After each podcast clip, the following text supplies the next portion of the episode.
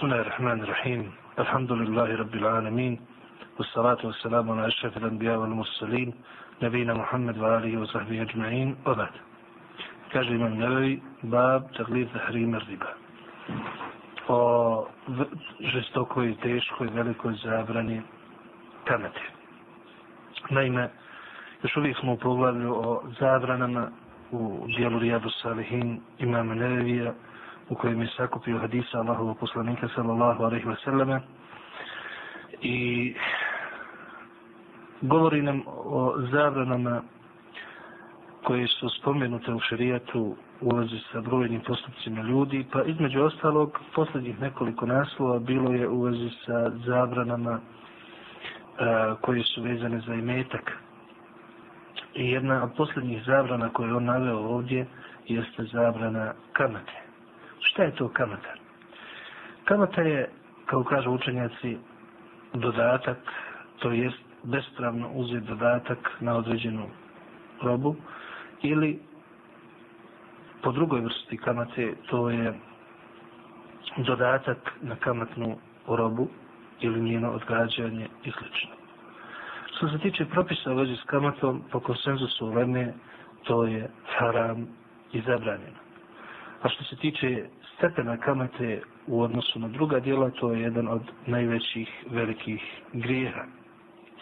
Rekao je Allah Đelešanuhu u vezi s kamatom, الذين يأكلون الربا لا يقومون إلا كما يقوم الذي يتخبطه الشيطان من المس ذلك بأنهم قالوا إنما البيع مثل الربا وأحل الله البيع وحرم الربا فمن جاءه موعظة من ربه فانتهى فله ما سلف وأمره إلى الله ومن عاد فأولئك أصحاب النار هم فيها خالدون يمحق الله الربا ويربي الصدقات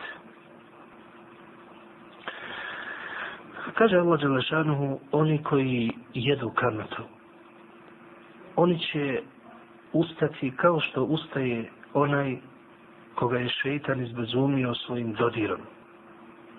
Naime, neki mu fasiri kažu da ajet znači da oni koji jedu kamatu ustaju prema kamati kada osjete i vide kamatu kao da je to plijen i ustaju tako izbezumljene kao da ih je šetan izbezumio svojim dodirom. I još govore zalike bi annahum kalu innama al-bay'u riba. Jer oni govore trgovina je poput kamate. Znači, to je prvo, prvo značenje. Drugo značenje, neki mufeseri kažu da će njihova kazna na kijametskom danu, kada ljudi ustanu iz svojih kaburova, biti takva da će oni ustati kao oni koji je šeitan izbezumio svojim dodirom. Tako će biti izgubljeni, izbezumljeni i neće znati kuda da krenu. Šta im je bio dokaz da oni mogu uzimati kamatu i jesti kamatu usput? To što se u ajetu spominje da jedu kamatu, ne znači da je to ograničeno samo na kamatu koja se utroši u hranu i piće i tako dalje, nego je, kako to kaže učenjaci, ono u što najviše ljudi troše e, novac i zbog čega najviše se trude i rade, a ako bi kamatu upotrijebili u izgradnju nečega i drugi, druge vidove imovine, onda u tom slučaju također spada pod ove propise. Oni su govorili trgovina je isto kao kamata. Kažu učenjaci, oni ovim nisu željeli praviti nekakvu analogiju i ovo, nego su željeli jedino da prkose Allahovim propisima, i da se ismijavaju. Zašto? Zato što da su željeli uistinu dokaz nekakav i da su željeli analogiju, rekli bi kamata je isto kao trgovina. Jer je u trgovini trgovina ta koja je u principu dozvoljena. I ona je osnova. I to je prvi rukan analogije, zdrave analogije. Da mora biti osnova. I onda nakon toga govorimo o dodavanju na tu osnovu, priključivanju toj osnovi drugih nekih stvari i propisa, pa bi trebalo reći kamata je poput trgovine, znači kažemo isto je to. Međutim, oni su čak i riječima željeli reći kako oni uopće ne priznaju Allahove propise i da ih uopće ne interesuje šta je tu trgovina, šta je dozvoljeno, a šta ne, nego jednostavno hoće da kažu mi radimo s kamatom i nije nas briga. Jer zato su i rekli trgovina je isto kao kamata. Znači želeći čak i, i, i riječima da prko se Allahu Đelešanuhu i njegovim propisima. Međutim, Allah Đelešanuhu jasno kaže svoj propis nakon toga wa ahallallahu l-beje. Allah je ohalalio kamatu u harrama riba. Odnosno, Allah je ohalalio a, trgovinu, a zabranio je kamatu. Znači, to je Allahov propis i to je tekstualni propis takozvani i kada pravilo u šerijetu, da kada dođe u ajetu ili hadisu nekakav propis, onda u tom slučaju nema analogije u vezi s tim. Ne može se analogno kamata ohalaljivati ni na koji način. Jer je tekstualno zabranjeno.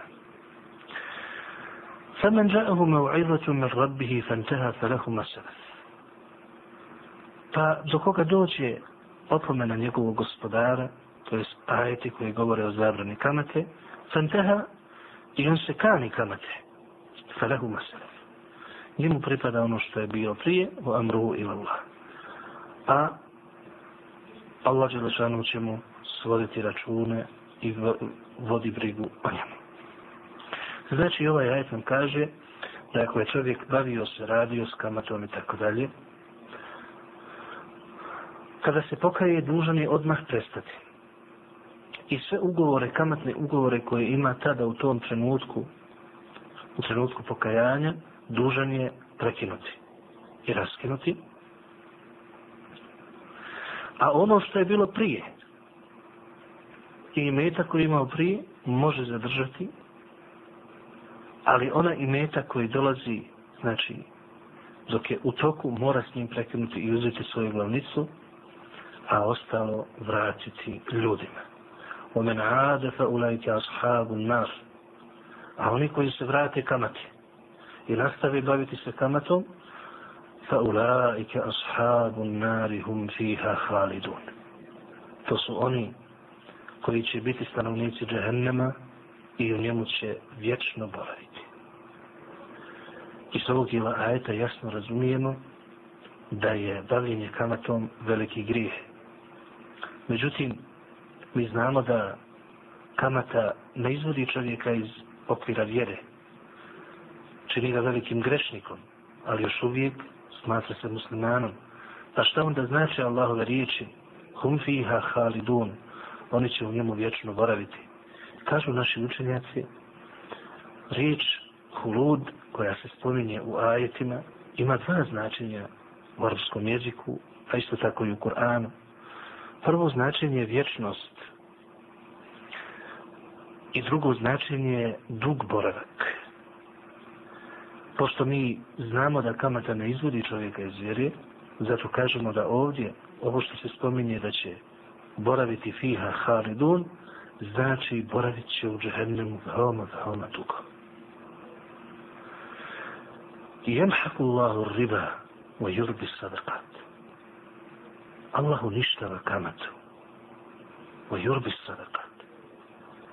A sadake i ono što se da kao zekat i sadaka i svaki drugi vid dobročinstva i metkom, to Allah Đelešanuhu povećava. Šta znači Allah riječi jemhaku Allahu riba? Allah uništava kamatu. To jest ono što je izgrađeno na kamati i meta koji je zarađen na kamati neće odvesti ka dobru. Nego Allah Đelešanu će ga na ovaj ili onaj način uništiti.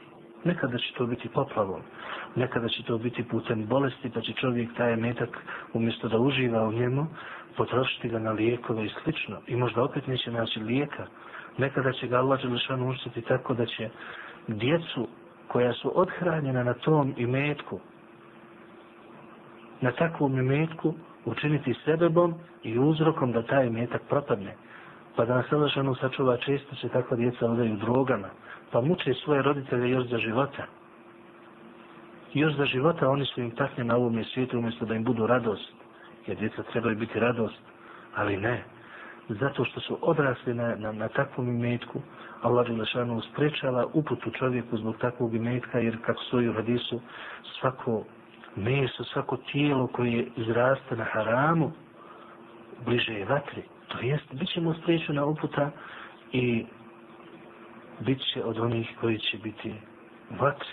Prema tome, Allah Đelešanu uništava kamatu i nema nikakve sumnje da, da ljudi koji se bave kamatom neće njihova neće njihov život na dobro izaći. I oni samo kad bi mogli pogledati i vratiti se malo pa da vidi sebe i svoje porodice, dokle ih je to dovelo, do kakve udaljenosti od Allaha Đelešanu, do kakvog, do kakvih osjećanja kada se Allah samo ispomene, vidjeli bi koliko su uistinu daleko i koliko su propale, ali radi se o tome da je stvar, kako Allah Đelešanu kaže, nesu Allaha fe nesija.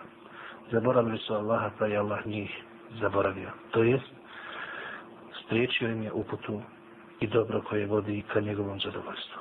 Jemhaku Allahu riba o jurbi sadakat. Allahu uništava kamatu, a sadake povećava. I to treba da bude pred očima svakog onog koji danas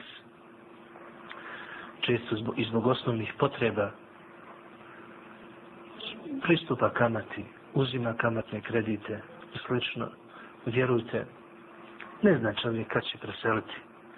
Ne zna čovjek kad će umriti s ovoga svijeta. Koliko ima ljudi koji su napravili kuće, nikada o njima nisu boravili.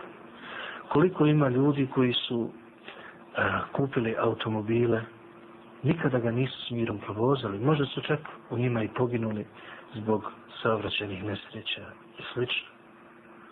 Jer nešto ako u njemu nema beričeta, ako će ga Allah Đelešanu uništiti, onda to zbilja treba tako ishvatiti. I bez obzira, makar ljudi neki govorili i davali fetve i može i ne može, poslanik sallallahu alaihi wasallam jasno je rekao kako to je zabilježio imam Buhari u svom sahihu, da čovjek uvijek treba biti na umu da je samo prolaznik na ovome svijetu, kun fi dunja ke enneke garib, o abiru sebil, budi na dunjaluku kao da si putnik, odnosno stranac ili putnik, koji je samo na putovanju kroz ovaj svijet, a Abdullah ibn Omar koji je inače i prenosila s ovog hadisa rekao je, to jest, to, to znači na ime hadis, znači kada omrkneš, ne čekaj da osvaneš, a kada osvaneš, ne čekaj da omrkneš.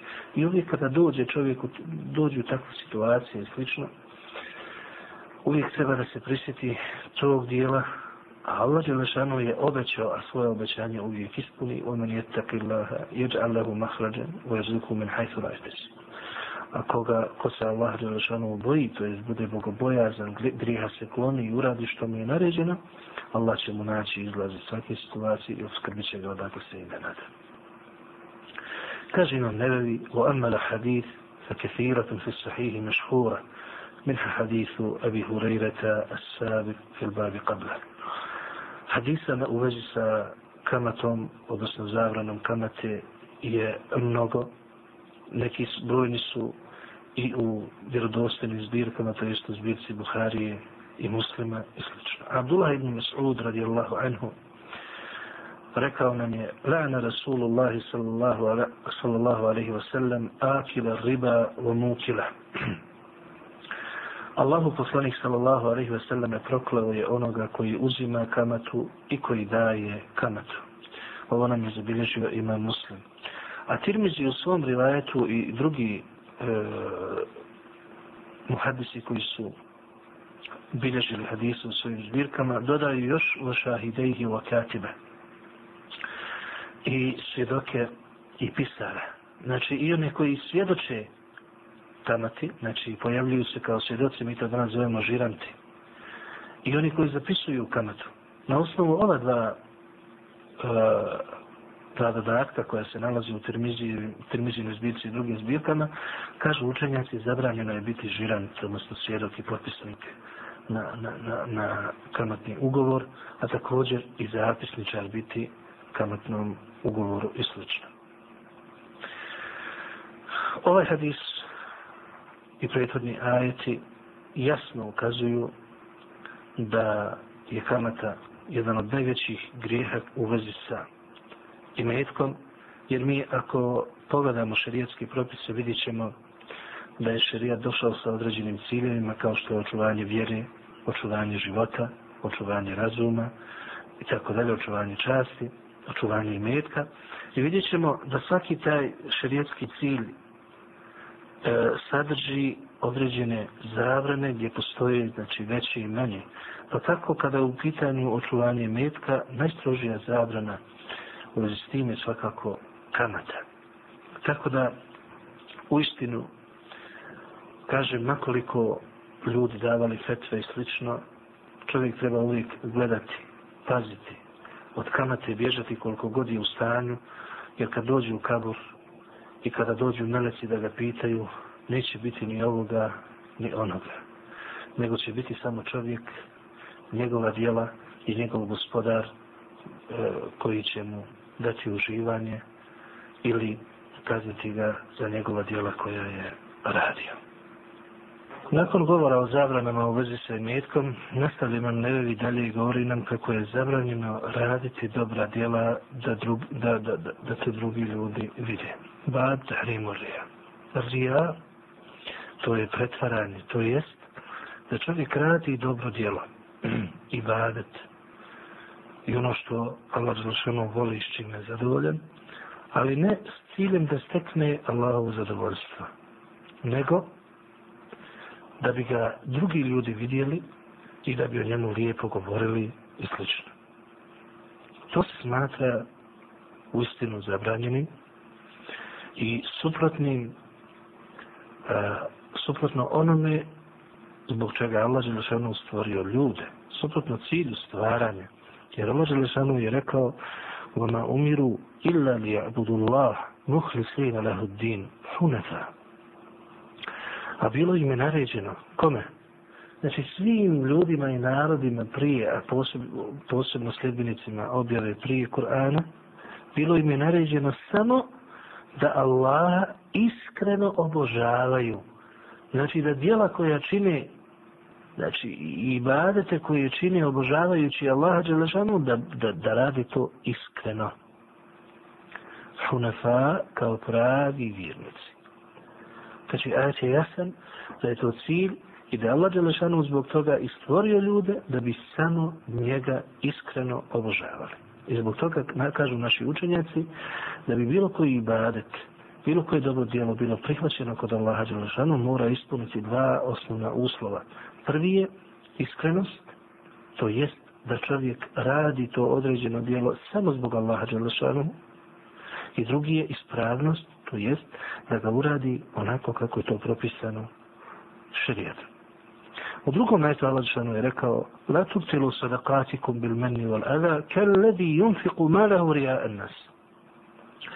Nemojte poništavati svoja, svoja dobra djela, svoje sadake time što ćete prigovoriti na tom dobrom djelu i uznemiriti druge kao oni koji svoj imetak udjeljuju da bi ih ljudi vidjeli. Znači ovdje vidimo da prigovaranje na učinjenom dobru i uznemiravanje ljudi zbog toga što je čovjek učinio dobro, kvari to dobro djelo. I Allah Đelešanu neće tako djelo prihvatiti. Potom je pokudio i uporedio to sa onima koji udjeljuju svoj imetak da bi ih ljudi vidjeli. Iz toga razumijemo da je udjeljivanje imetka da bi, da bi ljudi vidjeli i rekli kako je čovjek darežljiv i kako je on dobar i slično, kvari to djelo i to ništava ga i Allah ga neće prihvatiti. U trećem metu Allah je kudeći licemire i munafike koji svojom veštinom pokazuju da su prihvatili islam, ali u svojim srcima su nevjernici. Kaže jura unan nas, wala yadhkurun Allaha illa qalila. Oni samo to rade da bi ih ljudi vidjeli, a Allaha spominju samo malo. Znači to je pokuda koju Allah Đelešanu spomenuo za te ljude. A Ebu Hureyre radijallahu anhu kaže nam Semijatu Rasulullahi sallallahu alaihi wasallam je kul čuo sam poslanika kada je rekao قال الله تعالى أنا أغنى الشركاء عن الشرك من عمل عملا أشرك فيه معي غيري تركته وشركه rekao je uzvišeni Allah. Znači, kada poslanik sallallahu alaihi wasallam u hadisu kaže rekao je uzvišeni Allah, a taj govor se ne spominja u Koranu, to znači da je to hadis kudsi. Znači, hadis, to su Allahove riječi koje nisu spominute u Koranu, već u poslanikovim hadisima. Ana adna švolaka an ani širk. Ja sam najneovisniji od svih suparnika od bilo kakvog pridruživanja i širka. Tako uradi bilo kakvo djelo, a u tom dijelu ima namjeru još nekoga zadovoljiti, ostavit ću i njega i njegovo djelo. Znači, hadis je jasan da Allah Đelešanu neće prihvatiti ni jedno dijelo koje njegov rob uradi, ako u svojim namjerama želi to uraditi još zbog nekoga. Također je od Ebu Hureyre radi Allahu anhu prenesen jedan hadis koji je, kako kažu učenjaci, u istinu uznemirio i iz postelja digao mnoge ljude koji su ga čuli a to je hadis u kojem je rekao samijetu Rasulullahi sallallahu alaihi wa sallam je kul čuo sam poslanika sallallahu alaihi wa sallam kad je rekao إن أول الناس يقضى يوم القيامة عليه رجل استشهد فأتي به فعرفه نعمته فعرفها قال فما عملت فيها؟ قال قاتلت فيك حتى استشهدت. قال كذبت ولكنك قاتلت لأن يقال جريء. قد فقد قيل ثم أمر به فسحب على وجهه حتى ألقي في النار. ورجل تعلم العلم وعلمه وقرأ القرآن فأتي به فعرفه نعمه فعرفها قال فما عملت فيها؟ قال تعلمت العلم وألمته وقرأت فيك القرآن. قال كذبت ولكنك تعلمت ليقال عالم. وقرأت القرآن ليقال هو قارئ. فقد قيل ثم أمر به فسحب على وجهه حتى ألقي في النار. ورجل وسع الله عليه وأعطاه من أصناف المال فأتي به فعرفه نعمه فعرفها. قال فما عملت فيها؟ قال ما تركت من سبيل تحب أن ينفق فيها إلا أنفقت فيها لك. قال كذبت. ولكنك فعلت ليقال هو, هو جواد فقد قيل ثم أمر به فسحب على وجهه ثم ألقي في النار. Kaže nam Ebu Hureyre da je čuo poslanika kada je jednom prilikom rekao, sallallahu alaihi ve sellem, prvi čovjek kome će se presuditi na kijametskom danu je šehid. Znači, čovjek koji je poginuo braneći Allahovu vjeru i želeći uzvisiti Allahovu riječ. Bit će doveden, pa će ga Allah upoznati sa svojim blagodatima koje mu je dao. Znači, reći će mu, dao sam ti to i to, dao sam ti to i to i tako da. I on će ih priznati. Pa će mu Allah reći, a šta si ti uradio s tim blagodatima? Pa će on odgovoriti, borio sam se u tvoje ime, sve dok nisam poginuo kao šehid. Pa će mu Allah reći, slagao si. Ti si se borio da bi drugi rekli, vidi što je hrabar. To je već rečeno. Potom će biti naređeno i bit će na licu odveden i bačen u džehennem. Drugi čovjek kome će se presuditi, to je čovjek koji je učio širijetsko znanje i podučavao druge. Učio je Kur'an. Bit će doveden, pa će ga Allah Đelešanu podsjetiti na blagodati koje mu je podario, pa će ih on priznati. Potom će ga upitati, a šta si ti uradio s tim blagodatima?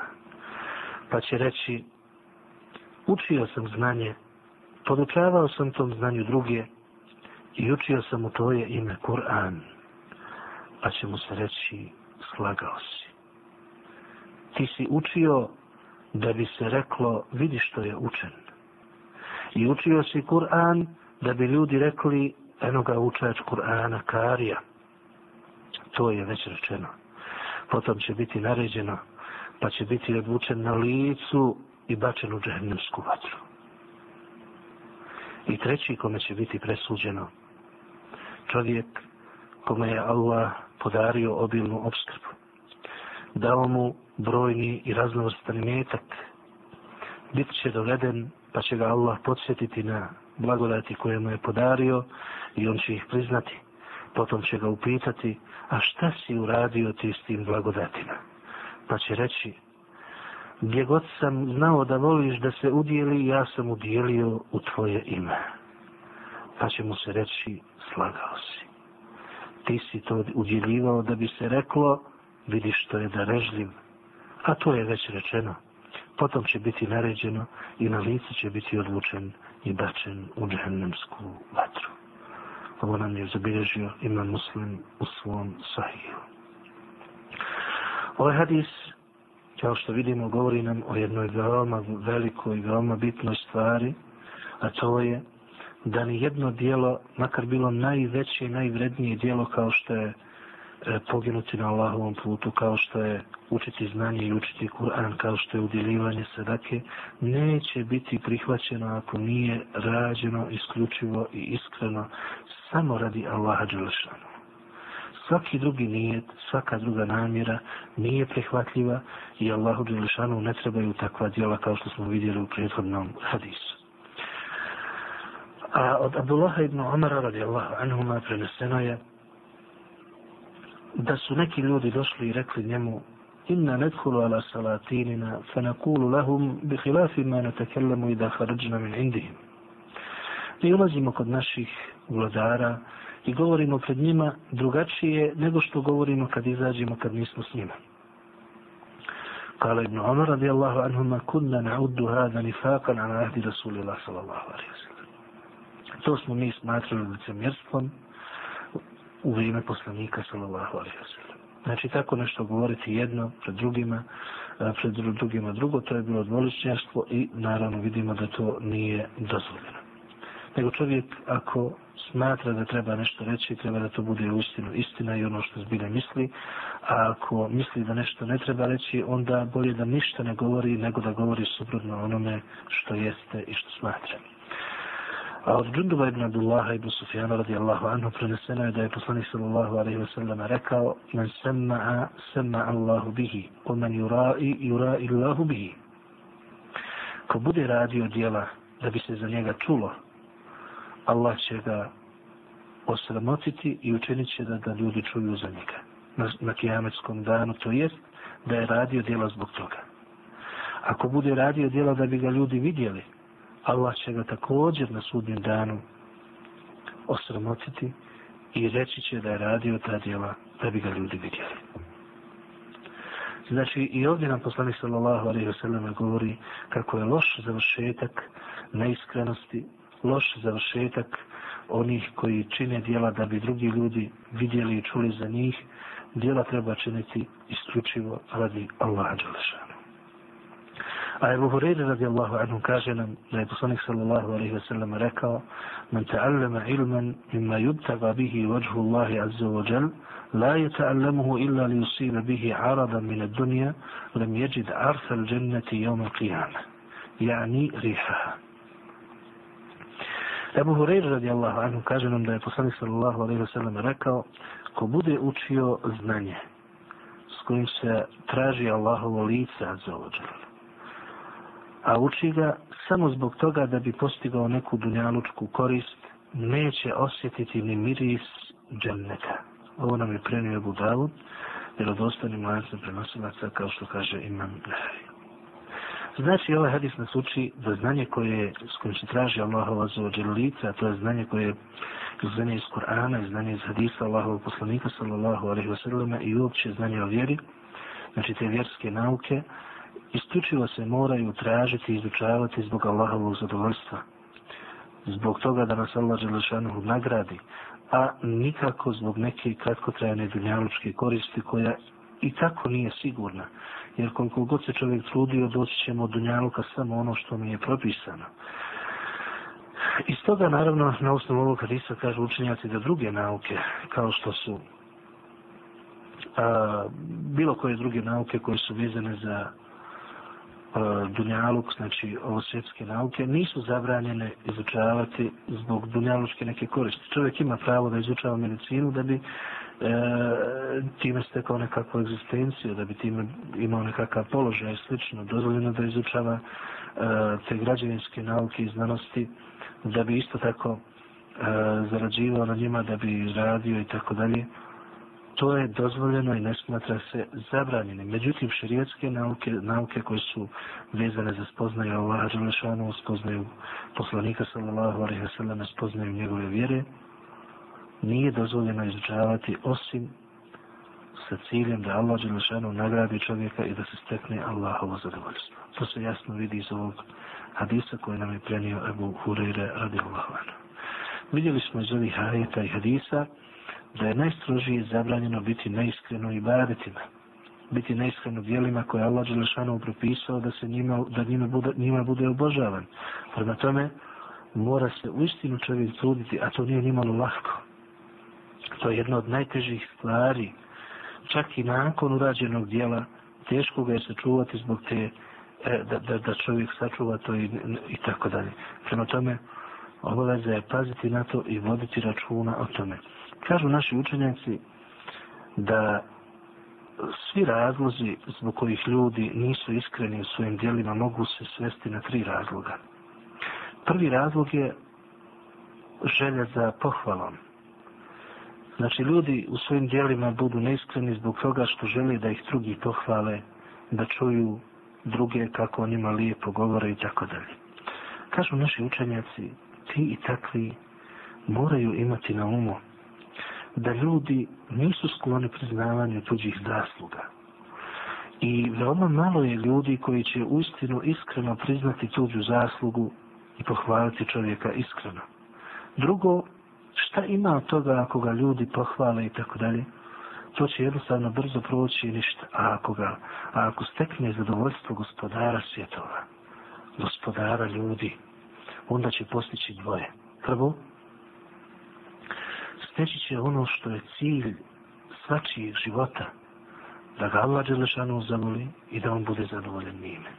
A drugo, samim tim, ako on bude želio Allahovo zadovoljstvo, Allah će dati da će ga i ljudi zavoljeti.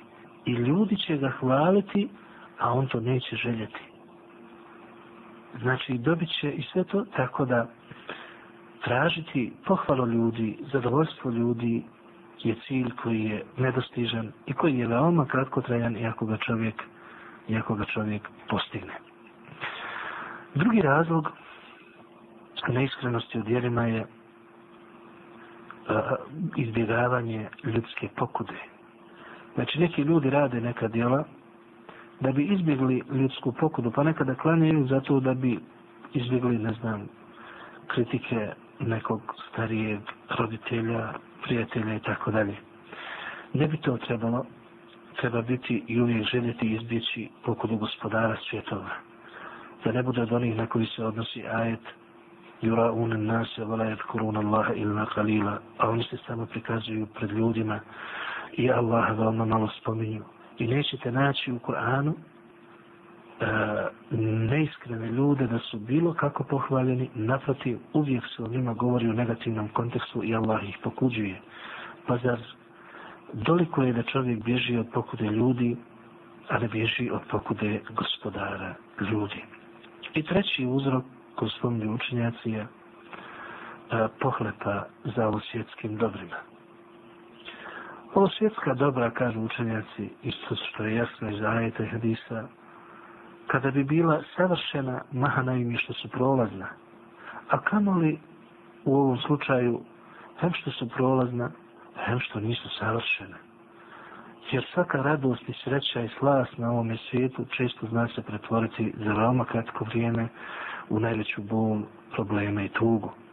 koliko ima ljudi koji su zbog naslade kratke, kratke naslade koje se nekad u životu i ne sjećaju i zaborave, trpe posljedice tokom cijelog života. Tako da, u istinu to nije vrijedno toga da čovjek izgubi ono što je vječno, te velike uzvišene vrijednosti, kao što je zadovoljstvo gospodara svjetova, da Allah Đelešanu zavoli čovjeka, da mu podari uputu nakon toga slično, uistinu nije to vrijedno zamijeniti sa nečim što je tako prolazno i tako bezvrijedno. To su ta tri uzroka zbog kojih ljudi obično čine dijela neiskreno zbog nekoga drugoga i slično i vidjeli smo da to ne vodi ničemu i naprotiv oni gube sve to i što su željeli, a gube mnogo više tim što gube zadovoljstvo Allaha Đalšanu.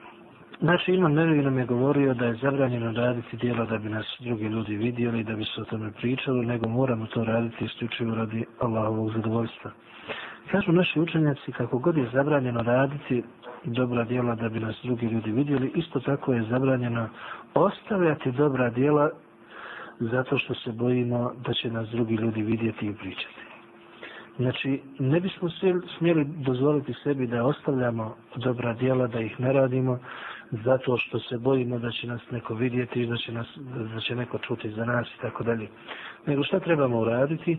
Trebamo raditi dobro djelo i ne osvrtati se na druge, na ljude uopšte, nego samo misliti na Allahovu dželešanovu zadovoljstvo. Nakon tog poglavlja imam nevevi kaže nam bab maju tavaha men na urija, ali se birija.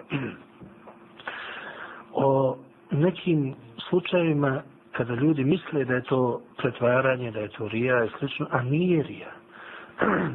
Pardon. Znači, postoje situacije kada neki ljudi e, nedovoljno razmišljajući o, o tome misle da je to pretvaranje, da je to neiskrenost i tako dalje. Međutim, kada uđemo u suštinu i razmislimo, to nije neiskrenost, nego to se smatra ispravnim i dobrim postupkom.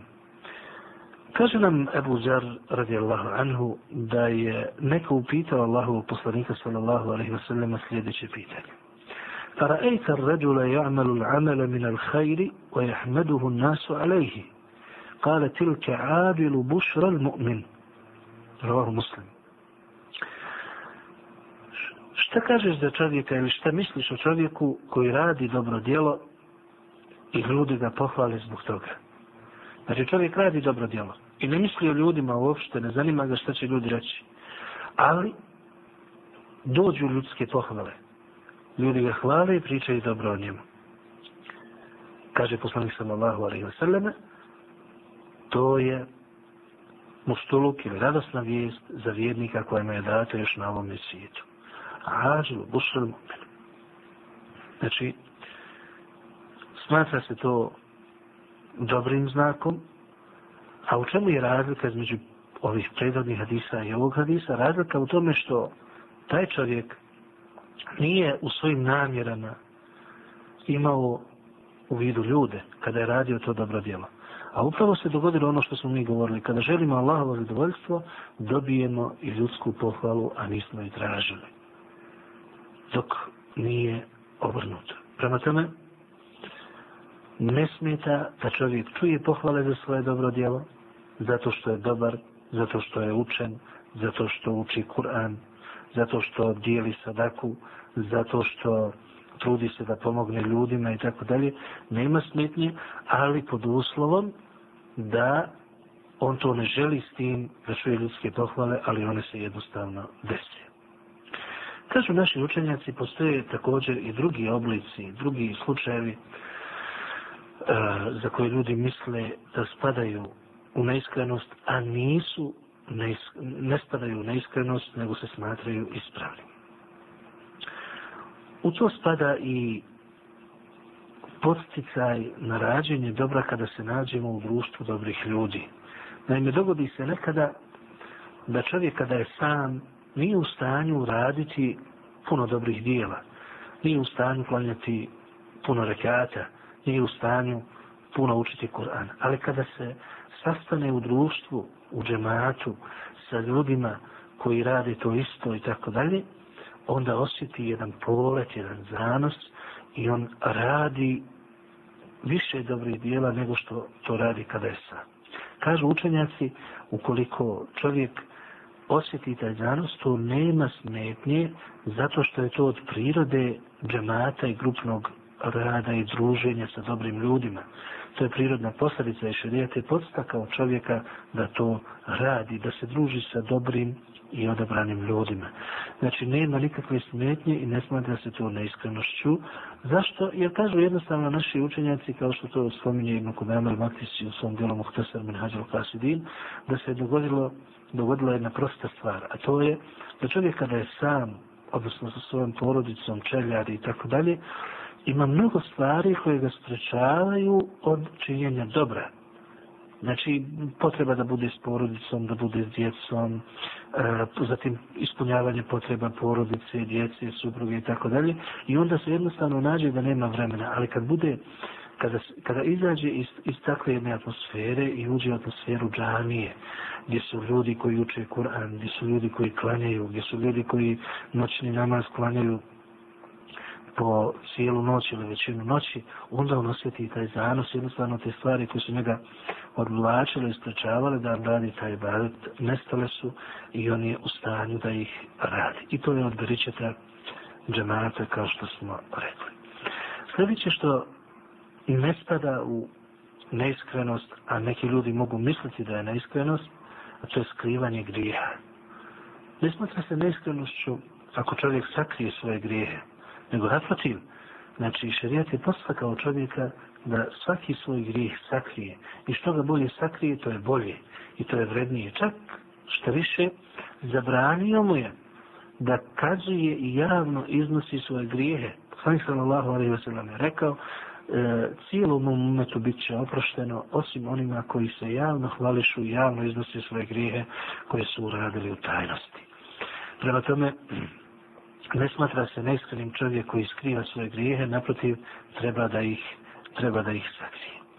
Sljedeće što se ne ubraja u neiskrenost, a neki misle možda da je neiskrenost, to je uljepšavanje odjeće, e, obuće i tako dalje, da čovjek nosi malo skupocijenija odjela, nosi skupocijenija obuću i tako dalje, malo se bolje oblači i slično to se također ne smatra neisnošću. Ili recimo sad u novije vrijeme to bolje auto i tako dalje. Ne, ne smeta da čovjek, ako mu je Allah dao blagodat, ako mu je dao imetak, e, da se to vidi na njemu čak šta više, kada je poslanik sa Seleme upitan u vezi s tim, a sad su ga upitali šta je s čovjekom koji voli da mu je odjeća i obuća malo bolja i ljepša i tako dalje, mislili su da se to ubraja oholost i tako dalje, rekao je ne, Allah je lijep i voli ljepotu.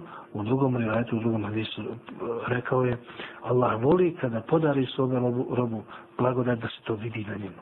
Znači ako ti Allah dao imetak, neka se vidi na tebi, da ne prelazi to okvire da se oblači nešto što je zabranjeno poput svile i slično za muškarce ili zlata za muškarce, ali da bude otmjeno, malo skupoćenije i slično, nema smetnje u skladu sa čovjekovim mogućnostima. Također, E, javni ibadeti koji su propisani da se čine javno ne, braj, ne ubrajaju se u iskrenosti, nema čovjek pravo da kaže ja sad neću ići na farzove, neću ići na džem, u džemat, klanjati namaze, zato što mogu biti neiskren. Ne, takve, takvi ibadeti propisani su da se čine javno i treba ih činiti javno i rekli smo da se ne treba osvrtati uopće na ljude, gledati šta oni misle, šta će oni reći, a svoju iskrenost dokazat ćemo svojim tajnim ibadetima, tajnim nafilama, tajnim rekatima, dobrovoljnim postom o kome nećemo drugima govoriti i slično, što je dokaz naše iskrenosti.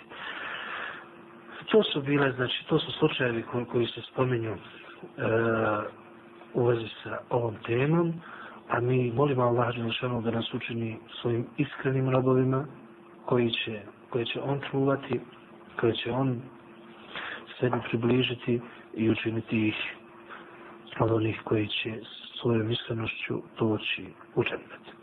أقول قولي هذا وأستغفر